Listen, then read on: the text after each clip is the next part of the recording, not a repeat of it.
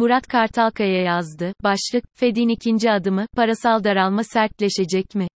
Fed, gördüğüm kadarıyla tüketimden kaynaklanan enflasyonun önünü kesmeyi başardı. Şimdi sırada varlıktan kaynaklanan enflasyonun önünü kesmeye geldi. Bunun için faiz artırmaya değil, 2020 yılında piyasaya saçtığı dolarları toplamaya ihtiyacı var. Bundan sonraki beklentim Fed'in parasal daralmayı hızlandırması. ABD Ekim ayı enflasyonu, Ekim ayı tüfe %0,40 gerçekleşti. 2021 Ekim ayı enflasyonu olan %0,90 çıkıp yerine %0,40 girince Eylül'de %8,2 olan yıllık enflasyon Ekim ayında %7,7 seviyesine gerilemiş oldu. Böylece yıl sonu ABD enflasyonunun %7 civarına gevşemesi olasılığı arttı. Tahminim ABD enflasyonun 2023 ikinci yarında %4 civarına geleceği. Yazılarımı takip edenler Nisan ayındaki dünya emtia fiyatlarında Mart 2022 rakamları yılın en yükseği olabilir yazımı hatırlayacaktır.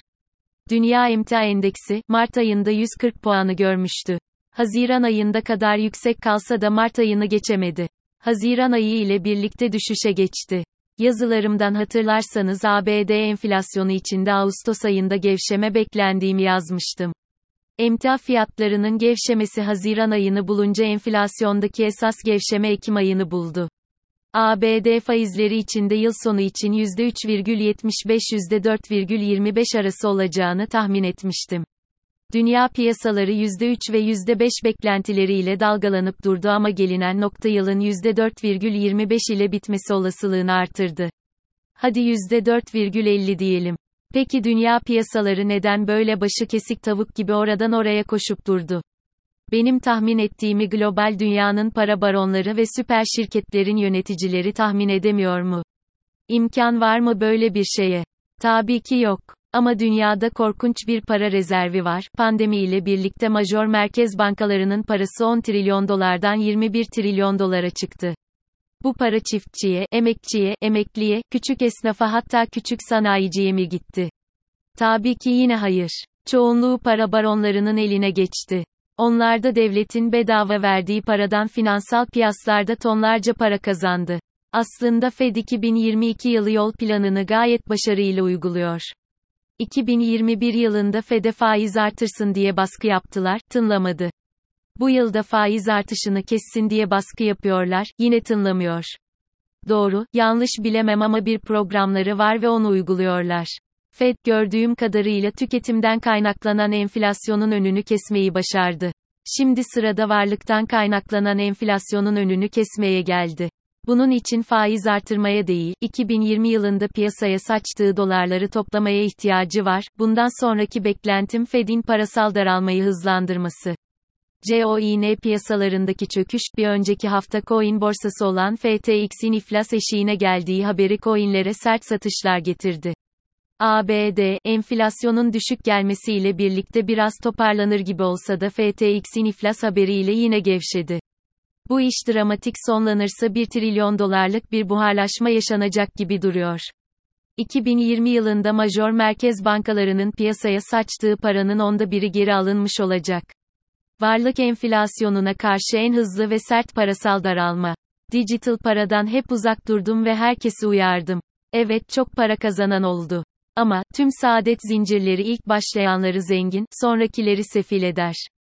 Burada da aynısı oldu. Benim temkinli yaklaşımlarıma, dijital para geleceğin parası, deyip durdular. Doğru. Buna hiç itirazım olmadı ki. Ama ayrıntısı savundukları cümlenin içindeydi zaten. Geleceğin parası. Ayrıca 10 lira olan bir paranın 6 ayda 60 lira olmasına şaşırmadılar. Neden, diye sormadılar. Hatta 100 lira olacak dediler. Nedenini hiç sormadan, kıyaslama yapmadan. Gerçi kıyaslama yapacakları bir veri de yoktu. Türkiye'den kısa kısa, TÜİK, Eylül ayı sanayi üretimi ve işsizlik oranını açıkladı. Verilere göre Eylül ayında, sanayi üretimimiz, %1,6 daraldı.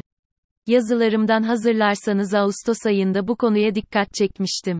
Özellikle ihracatçı büyük fabrikaların yılın son çeyreğindeki üretimlerini, yılın ilk yarısına göre %30 civarında düşük planladığını ama bu durumun verilerle bize gelmesinin 2-3 ayı bulabileceğini yazmıştım.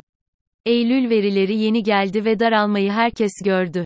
Eylül ayında ise üretimini düşüren fabrikaların %20 civarında işçi çıkarmaya başladığını yazmıştım. TÜİK, Eylül ayı işsizlik verisini yayınladı, %10,1'e yükseldi. Bu oranın Ekim ayında artacağını düşünüyorum. Nokta. İşten ayrılanların işsizlik maaşı sebebiyle 6 ay boyunca iş aramaması işsizlikteki sert artışı 2023 Mart-Nisan aylarına taşıyabilir.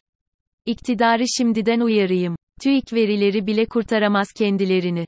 Bir anda işsizlik sorunu ile seçime gitmek zorunda kalabilirler.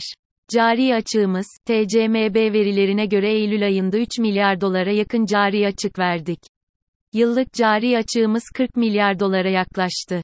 Ne ekonomik programmış ama. TL değersizleşecek, dış ticaret ve cari fazla vereceğiz. Siz 6 ay uyuyun, dediler. Uyuduk, uyandık dış ticaret açığı 100 milyar dolar, cari açık 40 milyar dolar. Haydi halaya. Uykumuz dağılsın. Hazine borçlanması, hazine bir önceki hafta 3 aylık iç borçlanma takvimini açıklamış ve 3 aylık ortalama 100 lira borç ödemeye karşılık 180 lira yeniden borçlanacağını belirtmişti. Geçen haftada dolar bazlı borçlandı. 500 milyon dolarlık borç ödemesine karşılık 1,5 milyar dolarlık borçlandı. Borç ödemesinin neredeyse 3 katı yeniden borçlanma. Hem de %10 faiz ile. 1,5 milyar doların bir yıllık faizi 150 milyon dolar, 3 milyar TL. Öderiz sıkmayın canınızı. Kader bu, ne yapacaksınız? 2003 yılında da dolar borçlanma faizi çift hanedeydi. 20 yıl uçtuk kaçtık, dünyanın 5'ten büyük olduğunu söyledik, Orta Doğu'nun liderliğine soyunduk. Geldiğimiz yer, başladığımız yer. Olsun güzel rüyaydı. Piyasa altın, ons, geçen hafta altın beklediğimiz gibi sert yukarı yaptı. Ben 1720 dolar filan bekliyordum. 1780 dolara geldi neredeyse. 2022 Mart ayından başlayan düşüş eğilimini çok sert yukarı kırdı. Hem eğilimi hem 1740 dolar direncini kırdı. Önünde 1790 ve 1810 dolar dirençleri var bu hafta. 1740 dolar desteğinin önünde kalıp kalamayacağı artışın devam edip etmeyeceğini gösterecek. Devam etse de benim tahminim görebileceği en yüksek yerin 1880 dolar olacağı. Benim gördüğüm en yüksek olasılık 1820 dolar seviyelerinden dönüp 3-5 ay 1680 ila 1720 dolar bandında yatayda kalması.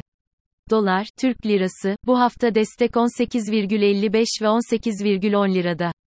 Direnç ise 18,72 lirada. Teknik, dolarda zıplama için en fazla 2 ay kaldığına işaret ediyor. Şimdilik gevşemesine doların tüm dünya paraları karşısındaki değer kaybı da destek çıkıyor. Avro, dolar, haftalar önceden beri 0,96 seviyesinin dip olma olasılığının çok kuvvetli olduğunu ve yükselişin 1,01 hatta 1,02 seviyesine kadar süreceğini belirtmiştim. 1,0365 seviyesine kadar yükseldi.